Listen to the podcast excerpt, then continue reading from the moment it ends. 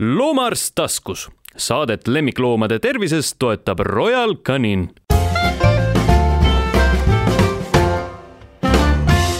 tere, alustame lemmikloomateemalise taskuhäälinguga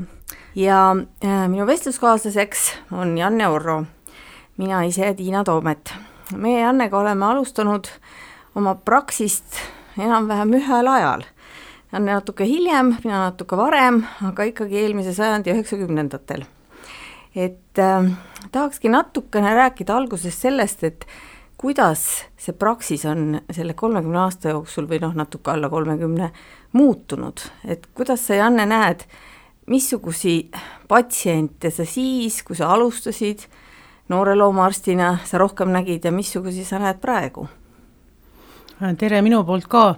jah tegelikult on Praxis hästi palju muutunud, kui me seda, seda podcast'i ette valmistades natuke nagu arutasime nende teemade üle, ma jäin kohe päris mõtlema, et et mis on muutunud, hästi palju on muutunud see, et me tegeleme praegu palju rohkem diagnostikaga, et äh, selle vahepealse ajaga on tohutult muutunud tegelikult inimeste elustiil ja inimeste äh, Äh, vaated ja ettekujutus sellest, mis üldse on võimalik ja loomulikult on inimeste sissetulekud väga palju suurenenud, ehk tegelikult meil on palju rohkem võimalik tegeleda haiguste diagnostikaga ja ka krooniliste haiguste raviga, äh, kakskümmend, kolmkümmend aastat tagasi tegelikult me niisuguste pikkade krooniliste haigustega väga palju ei saanudki tegeleda, sest inimestel lihtsalt rahakott ei pidanud vastu sellele ja me vist ei näinud ka neid ka nii palju, mina olen nagu enda jaoks sõnastanud selle niiviisi, et et tol ajal olid haigused põhjustatud välistest teguritest. me nägime hästi palju nakkushaigusi ja oli palju traumasid. tänapäeval on meil rohkem need välised tegurid võimalik ära hoida, me vaktsineerime oma loomi, me hoiame neid rihmas, me valvame nende järgi rohkem ja meil on nagu selliseid nii-öelda seestpoolt tulevaid ja noh, mõne, mõnes mõttes võiks ka öelda elustiilihaigusi ja loomad elavad ka vanemaks ja ka tänu sellele me näeme neid, neid kroonikuid, kes vajavad küll võib-olla enam mitte terveks ravimist, sest selleks me tihtipeale pole suutelised, aga vajavad oma nii-öelda elukvaliteedi säilitamist meie poolt, et see on selles mõttes on, on ilmselt ka muutunud just, et et äh, haigused nagu, nagu tuleksid nii-öelda seespoolt. aga täna ma tegelikult äh, tahaksin rohkem rääkida ikkagi sellest, et kuidas me saaksime neid kaitsta, äh, et nad haigestuksid vähem, et meil oleks vähem tööd ja, ja et mis siis selleks teha ja muidugi see päev, mil me seda saadet siin lindistame, on väga sobiv, sest et täna on ülemaailmne marutoodi vastu võitlemise päev, see on igal aastal kahekümne kaheksandal septembril juba alates aastast kaks tuhat seitse ja, ja kui mõelda, et marutood oli tollal reaalsus, kas sina oled marutõvist looma näinud? Ma ei ole päris kindel, et ma olen näinud, aga, aga arvestades, missugune tõeline nagu marutoodi kõrghooaeg oli äh, üheksakümnendate lõpus ja kahe tuhandendate alguses, siis äh, on küllaltki tõenäoline, et suur hulk äh, sellel ajal praktiseerinud kolleege tegelikult on marutoodis loomaga kokku puutunud ja neid kahtlasi loomi laborisse viinud olen ise oma käega ja aidanud neid organiseerida, et jah, see oli sellel ajal ikkagi täiesti reaalne äh, üks võimalik põhjus, miks äh, looma seisund oli selline, nagu ta oli. jah, mina olen kahte konkreetset koera näinud ja kumbki neist ei näinud välja nagu klassikaline marutood, mida noh, me kujutame ette, et umbes vahutab ja tormab kõigile kallale. et mõlemad, mul olid suured koerad, üks oli Kaukaasia lambakoer, teine oli Saksa lambakoer, olid lihtsalt sellised imelikud uimased pea tudises ja ila voolas ja ühte ma isegi katsusin, ma mäletan. aga mina olin õnneks selleks hetkeks sellises priviligeeritud seisuses, et ma olin vaktsineeritud, mis oli tol ajal haruldane. et tänapäeval loomaarstid on enamasti minu meelest vaktsineeritud, hoolimata sellest, et Eesti on juba, ma isegi ei oska vist praegu öelda, aga ikka mitmeid aastaid juba marutoodivabariik. et äh, selle me oleme saavutanud tänu sellele, et et loomi vaktsineeritakse ja siit lähekski järgmise teema juurde, vaktsineerimine. et mind hirmutab see, et kuna väga hirmsaid nakkushaigusi meil eriti palju enam ei ole, mis on tore, siis inimesed hakkavad kergesti käega lööma, kas sa näed seda oma töös ka? jah, eks ma ikka näen, et et siin on erinevaid põhjusi ilmselt, miks inimesed kas unustavad või konkreetselt ei taha oma loomi vaktsineerida, aga, aga jah, mõnes mõttes on see ka elustiilist ja, ja aegade muutumisest tulenev nähtus, et, et äh, nakkushaigusi ei võeta enam tõsiselt, et nakkushaigusi arvatakse, et see ei puuduta mind, see ei puuduta minu looma, aga nagu sinna marutaudi juurde tagasi tulla, siis äh, marutaud on meie ümber ja karta on, et jääb veel väga paljudeks aastakümneteks meie ümber, sest Eesti võib küll olla marutaudivaba riik ja ka Läti on marutaudivaba riik, aga meil on suur idanaaber, mis on marutaudivabadusest väga kaugel ja, ja tegelikult arvestades ikkagi meie niivõrd pikka riigipiiri, siis omavahelist riigipiiri, siis see on täiesti reaalne, et marutaud jõuab meieni. et jah, metsades küll need rebased ja kährikud on vaktsineeritud või ütleme siis nii, et nende vaktsineerituse tase on piisavalt kõrge, et, et reaalselt see oht võib-olla meid igapäevaselt nii ei ähvarda, aga aga see oht ei ole tegelikult kindlasti null, see ei ole kindlasti kuhugi kadunud, et jah, aga et kui tulla selle teema juurde, et, et vaktsineerituse tase Eestis praegu lemmikloomadel, no see on erinev, see on hästi erinev, et mina ka palju aastaid olen kogu aeg vaadanud oma oma klientide lemmiklooma passidesse ja näinud seal enamasti ikkagi nagu küllaltki head seisu, et isegi kui on see vaktsineerimise tähtaeg natukene üle läinud, siis, siis ta on tõesti natukene üle läinud, mitte nii, et, et vahepeal on olnud kümme aastat pausi. aga paar aastat tagasi suvisel ajal käisin koos varju, varjupaigalabiks kiipimas loomi Lõuna-Eestis külades ja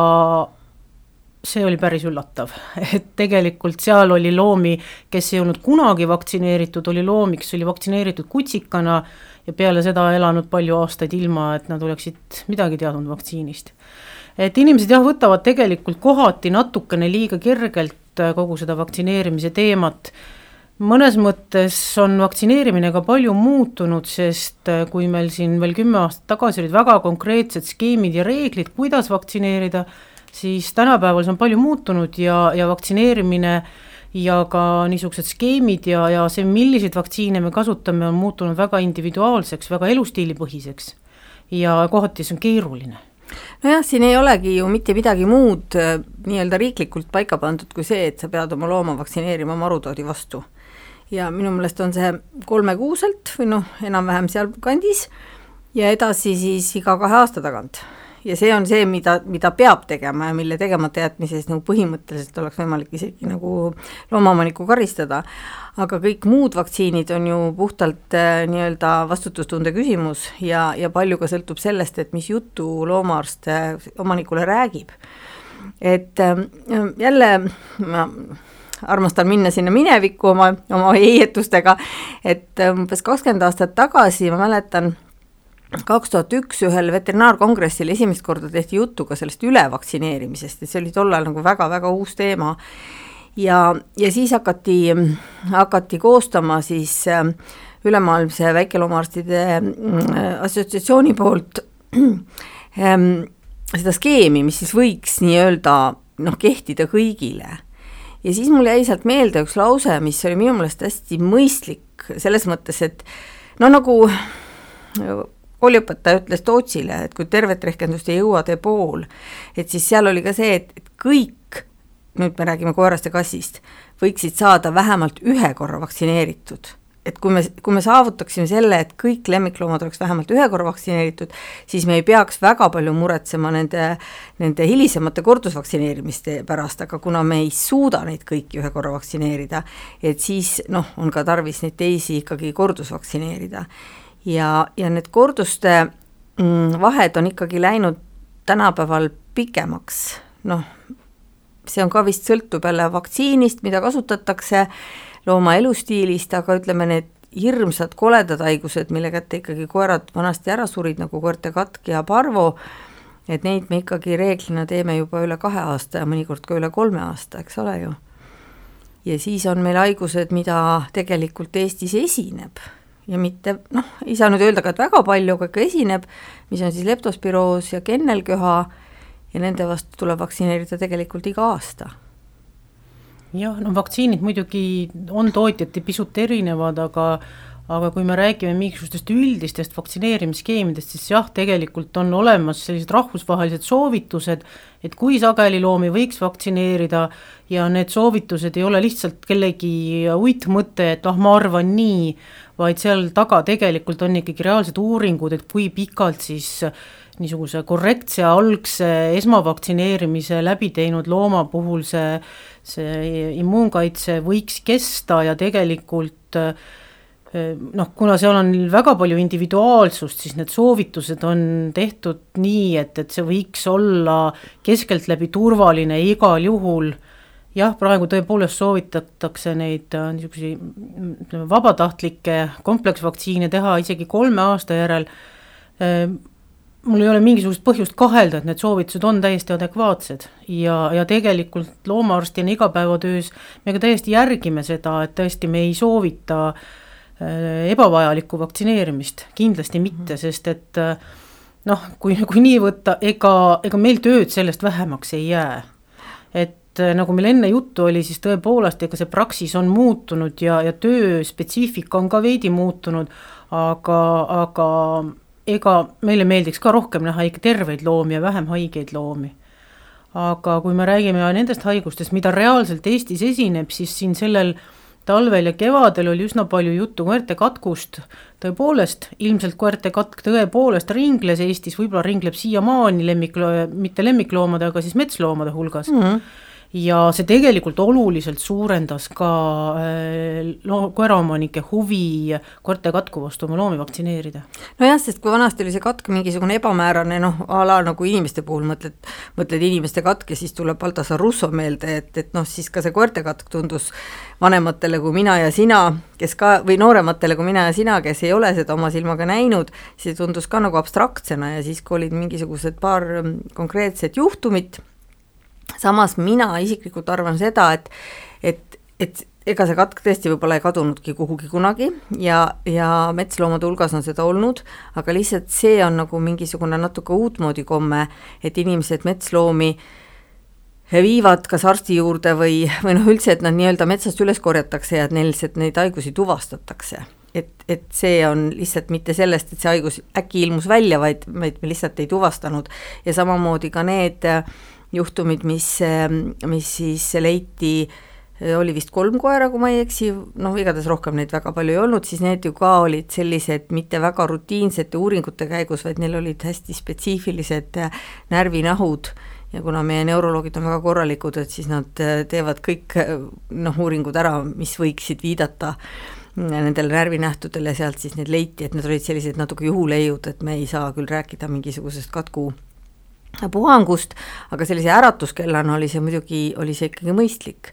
me räägime hirmus koera keskelt, ma hea meelega küsiks sinu käest, kuna kasside asju tean ma ise võib-olla vähem ja kuna sina tegeled ka varjupaiga kassidega, et kuidas see kasside nakkushaiguste situatsioon üldse, üldse Oi, võiks välja näha? see on väga see on omaette teema, terve saade ilmselt. Ja kui loomaarst ütleb millegi kohta, et see on väga huvitav, siis mingi, mingi hea uudis ei ole. Tegelikult jälle me ei saa isegi öelda, et ei ole uuritud, tegelikult on isegi Eesti kohta olemas täiesti juba andmestikku, et millist haigusi esineb ja ja kui sageli neid esineb ja tegelikult esineb kassidel äh, nakkushaigusi küll, et selles osas kassidel on olukord, ma ütleksin, kehvem kui koertel. Et, et tegelikult on kassidel nakkushaigusi, mille vastu me ei saa vaktsineerida. Ja mis on levinud, näiteks kasside immuunpuudulikkuse viirus. Ja, ja seda noh, erinevatel andmetel, aga seda võiks üldises kassipopulatsioonis esineda no ütleme siis tõenäoliselt alla kümne protsendi, aga niisugustel vabalt liikuvatel õuekassidel eh, on see kindlasti sagedasem nähtus, et eh, ka igapäevatöös leida immuunpuudulikkuse viirusega kass ei ole sugugi ebatavaline, see on pigem, pigem noh, ma ei saa öelda igapäevane, aga seda ikka tuleb ette mm. -hmm. et no jälle muidugi immuun, immuunpuudulikkuse viirusega kass sisuliselt on eh, esialgu isegi tõenäoliselt mitte krooniliselt haige, et, et tänapäeval nii nagu inimestel eh, immuunpuudulikkuse viirus, nii on see ka kassidel, põhjustab aja jooksul immuunsüsteemi kokkuvarisemist, aga mitte see ei juhtu kohe pigem on probleemiks sellised kassiomanikud, kes küll teavad, et nende kass on FIV positiivne, aga ta ometigi välja lasevad. Sest see haigus levib kaklustes ja paaritustel, et, et tegelikult ütleme, haigel kassil või viiruse kandjal kassil seda viirust levitada on reaalne, eriti kui tegemist on kastreerimata isaste kassidega. Kassidega mulle üldse tundub, et on natuke selles mõttes ka keerulisem, et koerte haigused tihtipeale ikkagi on nii, et on haige, saab terveks või sureb ära. ja on nagu vähem selliseid kroonilisi variante, aga kassidel noh, nagu sa ütlesid, FIV ja, ja samamoodi siis see kasside peritoniit, mis on noh, omaette selline keeruline lugu. Noh, praeguses seisus oleks muidugi huvitav mainida selle tekitajat, eks ole, et on ka koroonaviirus, aga mis ei hakka inimestele, palun kõigil tähele panna, et me ei peaks oma kassi kartma, aga, aga see on ju ka selline, et kass võib olla krooniline, krooniline kandja, krooniline haige, see ei pruugi üldse avalduda, teisel avaldub ja ta sureb ära ja ravida me ei saa, nii et, et see on ka nagu selline palju keerulisema kuluga haigus, kui tavaliselt need koerte haigused on, vähemalt mulle tundub ja, niiviisi. jah, see on selles mõttes küll palju keerulisem haigus, et seal on äh, päris keeruline eri, eristada seda, et missugune on tegelikult selle viiruse roll äh, selle niinimetatud nakkusliku peritoniidi tekkimisel ja, ja kui palju mängib rolli äh, kassi enda organismi immuunsüsteemi seisund, kas see koroonaviirus mõjutab seda immuunsüsteemi, no tõenäoliselt mõjutab. Ehk et äh, no reeglina need kassid, kellel on see, äh, see nakkuslik peritoniit, neil on kõigil olnud kokkupuude koroonaviirusega, aga koroonaviirusega kokkupuutes olnud kasse on oluliselt rohkem ja enamikul neist ei ole mitte mingisuguseid haigustunnuseid. et selles mõttes see on, see on väga hämar teema siiamaani, see, see ei ole lõpuni selgeks tehtud. Sest juba üle kümne aasta tagasi ma tean, et arutati seda vaktsiini võimalikkust ja kuna see ongi see, et keda ja millal me siis vaktsineeriksime, ja seda oli väga raske nii-öelda paika panna, seda süsteemi, siis ma nüüd muidugi viimaseid andmeid ei tea, kas sellega üldse tegeletakse või ei tegeleta, aga igatahes see, see vaktsiin nagu on minu see teada täiesti päevakorrast maas. ja, ja see ja. osutus selles mõttes probleemseks, et kui kokkupuude viirusega võib soodustada nakkusliku peritoniidi teket, siis me ei saa olla kindlad, et vaktsineerimine seda ei tekita, ehk et jah, kassidel ei ole koroonaviiruse vaktsiini noh, kui koroonaviirusest üldse rääkida, siis jah, kassidel on oma koroonaviirus, koertel on oma koroonaviirus, mõlemad tegelikult äh, väliselt tekitavad niisugust kõhulahtusega kulgenevat haigust. ja koerte koroonaviirust, noh, me ei tea tegelikult seda esinemust, aga seda ilmselt on peamiselt on see kutsikate haigus, väga harva põhjustab ta mingisugust suremust. reeglina kulgeb üsna kergelt. ta on tegelikult teist natukene teisest koroonaviiruste rühmast kui siis see meie Covid-19, et need on mm. selles suhtes erinevad haigused. aga res... trikitamine immuunsüsteemiga tundub olevat miski, mis neid ühendab. sest mina mäletan veel seda aega, kui tuli mingisugune vaktsiin, noh see oli kaheksakümnendate lõpus, kus oli ka koertele, kui oli see koroonakomponent sees aga noh, kuna see tundus nii mõttetu, sest see haigestumine on nii kerge ja nii lihtsalt läbipõetav, et siis noh, ja sageli lihtsalt... nii noored kutsikad, keda nagunii veel ja, ei vaktsineerita. ja see tegi nagu liiga multikomponentseks selle vaktsiini ka, see oli mingi selline seitsmevalentne vaktsiin ja ja noh, ei olnud nagu mõtet seda kasutada, et me peame ikkagi äh, ikkagi vaktsineerima neid ka nende haiguste suhtes, mis meil võiksid olla nagu tõsiseltvõetavad, seetõttu mina isiklikult ei näe ka mingit vajadust koeri vaktsineerida borrelioosi vastu, aga see on minu, minu isiklik arvamus, ma ei, ma ei ja, tea. no borrelioos on jälle üks huvitav teema, et noh, tegelikult me näeme aeg-ajalt üksikuid borrelioosi juhtumeid koertel, aga aga kui arvestada sellega, et kui palju tegelikult on borrelioosi inimestel näiteks, kui paljud puugid borreeliat kannavad ja kui palju koertel on puuke, siis ilmselgelt koerad tegelikult üldiselt ei ole väga vastuvõtlikud. Yeah et ka selles mõttes see testimine, mida me teeme, meil on võimalik seroloogiliselt testida koeri, kas neil on olnud kokkupuudet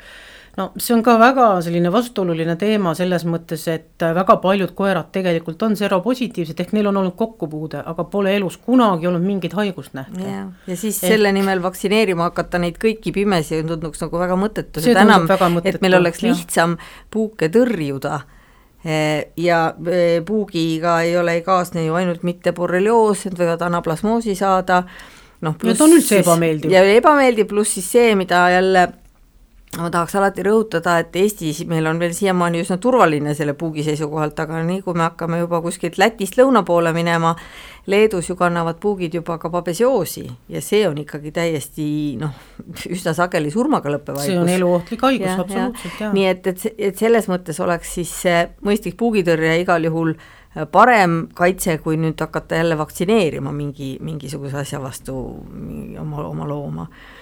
ja veel kord korraks selle vaktsineerimise juurde tagasi tulles, et et no vahel on tekkinud küsimus tubaste kassidega, et oi, ta on täitsa tubane, et mis ma teda vaktsineerima pean, noh, minu tavaliselt seisukoht on see, et A, marrotoodi tuleb teha, sest see on nii-öelda riiklik käsk, B, aga kui see täiesti tubane kass kukub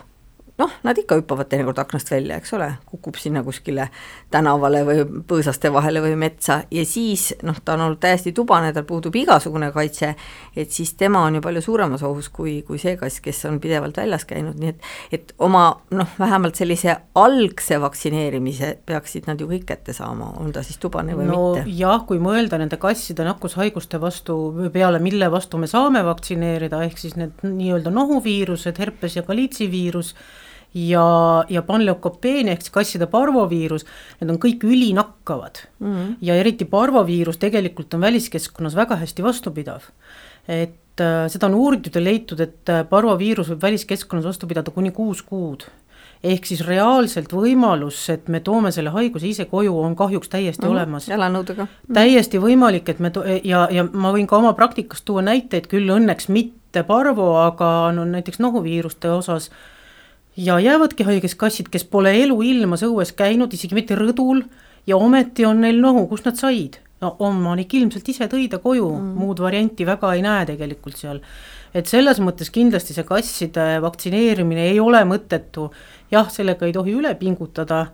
äh, et teatud ettevaatus peab ikka olema ja marutoodi kohta, täpselt nagu sa ütlesid, tegelikult marutoodi tõrje eeskiri on seaduse jõuga dokument, ehk me peame seda täitma jalgadega või ma ei tea, riietega võime mõne kirbu ka ilmselt koju tuua. et ei ole Oi, harvad, harvad juhtumid, kui mul on olnud täiesti tubaseid kassid, kes süga, sügavad ja lakuvad ennast täiesti klassikalistest kohtadest ja ja isegi on teinekord võimalik olnud tuvastada nende seljas ähm, kirbumustust ja siis omanik lööb ka kahte kätt kokku, ütleb, et see kast ei käi tõesti mitte kusagil, noh mõnikord muidugi selgub, et ta käib rõdul, siis mõnikord selgub, et ta käib koridoris, aga vahel ei käi kusagil ja, ja ikkagi on, on võimalik, et ta on selle, selle parasiidi kätte kätte saanud, nii et et siit nüüd sujuvalt veel, meil on natuke aega, võib-olla siis räägime ka parasiiditõrjest, et see on ju ka tegelikult üks väga tähtis punkt, millega me, me suudame oma, oma lemmikloomi ikkagi tervetena hoida. et see vahetevahel tundub noh, et oh, mis parasiidid, noh kuidagi inimestel tundub, et me elame nii puhast elu ja kõik on nii ilus ja tore, et, et kuidas saab mu loom, loomal parasiit olla, aga aga parasiidid on ju väga kavalad, nad ju on osanud ennast sokutada ka meie tänapäeva puhtasse ellu ilmselt kaasa. oi, parasiite hulgas on väga palju sel-, tõeliselt geniaalseid ellujääjaid, kõige tavalisem koerasolge näiteks on, on noh, kui mõelda tema elutsükli peale ja selle peale, kui vastupidav ta on väliskeskkonnas, kuidas tal on oma salatrikid selleks, kuidas nakatada imikkutsikaid või, või kutsikaid juba enne sündi, siis see, see on imetlusväärne.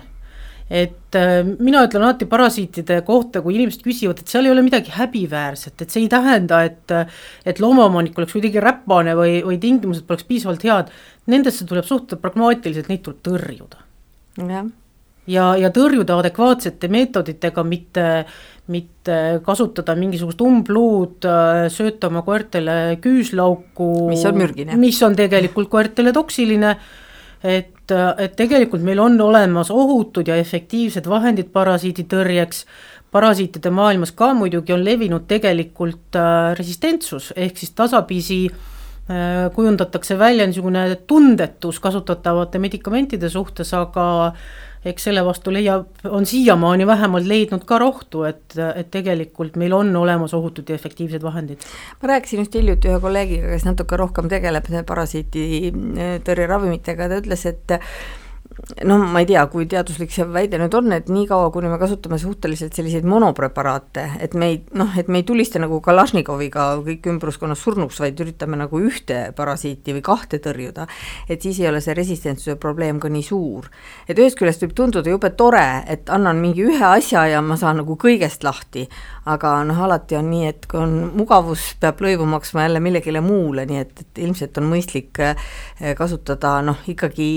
preparaate, mis on just sel hetkel aktuaalsed ja noh, ütleme, mis meil siin Eestis on, on ikkagi see, et meil on kutsikatel tihtipeale, hoolimata sellest, et kasvatajad on väga korralikud ja teevad väga korralikku parasiiditõrjet küll enne paaritamist, pärast paaritamist, enne poegimist, pärast poegimist, millal iganes, on ikkagi solge.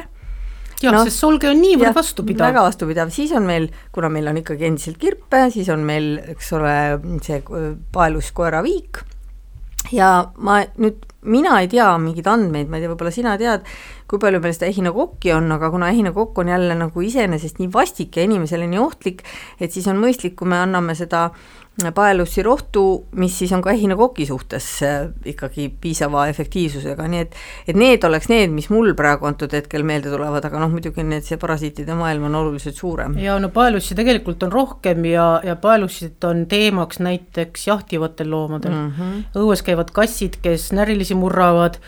see on päris sage nähtus, et tegelikult neil on paeluss ja ka koerte puhul see ei ole üldse nagu mõttetu teema selles mõttes, et tegelikult on päris palju koeri, kes äh, närilisi jahivad mm., äh, metsas kõikvõimalike asjadega kokku puutuvad ja, ja et noh, see parasiidi saamise küsimus no Pole mingi küsimus. see ei ole mingi kui vähegi tahad, siis saad absoluutselt ja, ja, ja, ja, ja. tegelikult leidub ka laiusi, et selles mõttes ei äh, ei saa küll öelda, et parasiiditõrje kuidagi mõttetu oleks, et no laiussiga on muidugi see, et kui võiks nagu meelde jätta, et mageveekala ei maksa toorelt anda oma loomale, et siis võib-olla sellest laiussist õnnestub kuidagi kõrvale hiilida, sest neid, kes nüüd ise läheksid seda latikat püüdma, seal mõni koer, neid vist ei ole väga palju. aga noh, väljas käiv kass, see noh, temal on kõik ja, võimalused tema, olemas, et parasiite hankida. ja siit me jõuamegi jälle selleni, et see ei ole päris nii, et anname kõikidele koertele, kassidele niimoodi või naamoodi et noh, ilmselt see parasiitõrje tuleb ka teha väga individuaalne. see peab olema kohandatud. õues käiv kass ja. peab saama palju sagedamini, kui siis peaks, peaks saama see, kes on täiesti tubane, aga, aga ilmselt ei ole ka välistatud see, et ka tema saab ikkagi mingisuguse, mingisuguse intervalli järel, järel, järel ikkagi oma parasiiditõrje kätte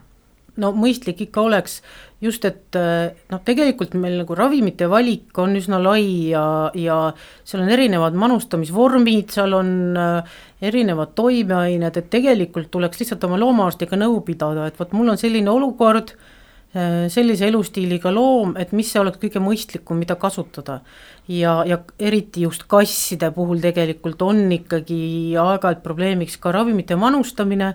noh, kasside jaoks tänapäeval järjest rohkem on äh, nahakaudseid manustamis, äh, manustamisega preparaate, et need on küll kõik enamasti äh, retseptiravimid mm. -hmm. ehk sellepärast ma ütlengi, pidage nõu oma loomaarstiga ja tegelikult igaks situatsiooniks on võimalik ikkagi sobilik lahendus leida.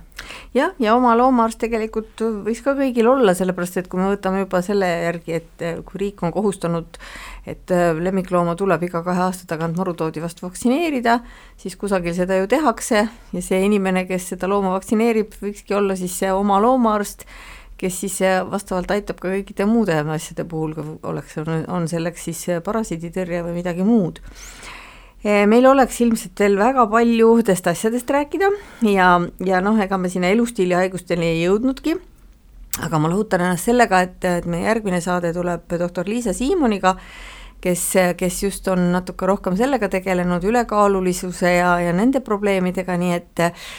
et kuulake meid siis jälle järgmine kord, kui me räägime elustiilihaigustest ehk siis põhiliselt ülekaalust, täna aga jätame teiega siit siis hüvasti. Ehm, tuletan veel kord meelde, et on ehm, ülemaailmne marutoodi vastu võitlemise päev ja ma just vaatasin seda lehekülge eile, kahjuks ei ole mitte midagi muutunud, mõned aastad tagasi ma kirjutasin kusagil, et iga kümne minuti järel sureb üks inimene maailmas marutaudi ja, ja nii praegu, aasta ringi ja, ja juba palju-palju aastaid. ja nüüd nad on pannud siis, et on iga üheksa minuti järel, nii et isegi ei lähe mitte paremaks. nii et ähm, meie saame nii palju teha, et me vaktsineerime kõik oma lemmikloomad ilusasti ära. olge terved!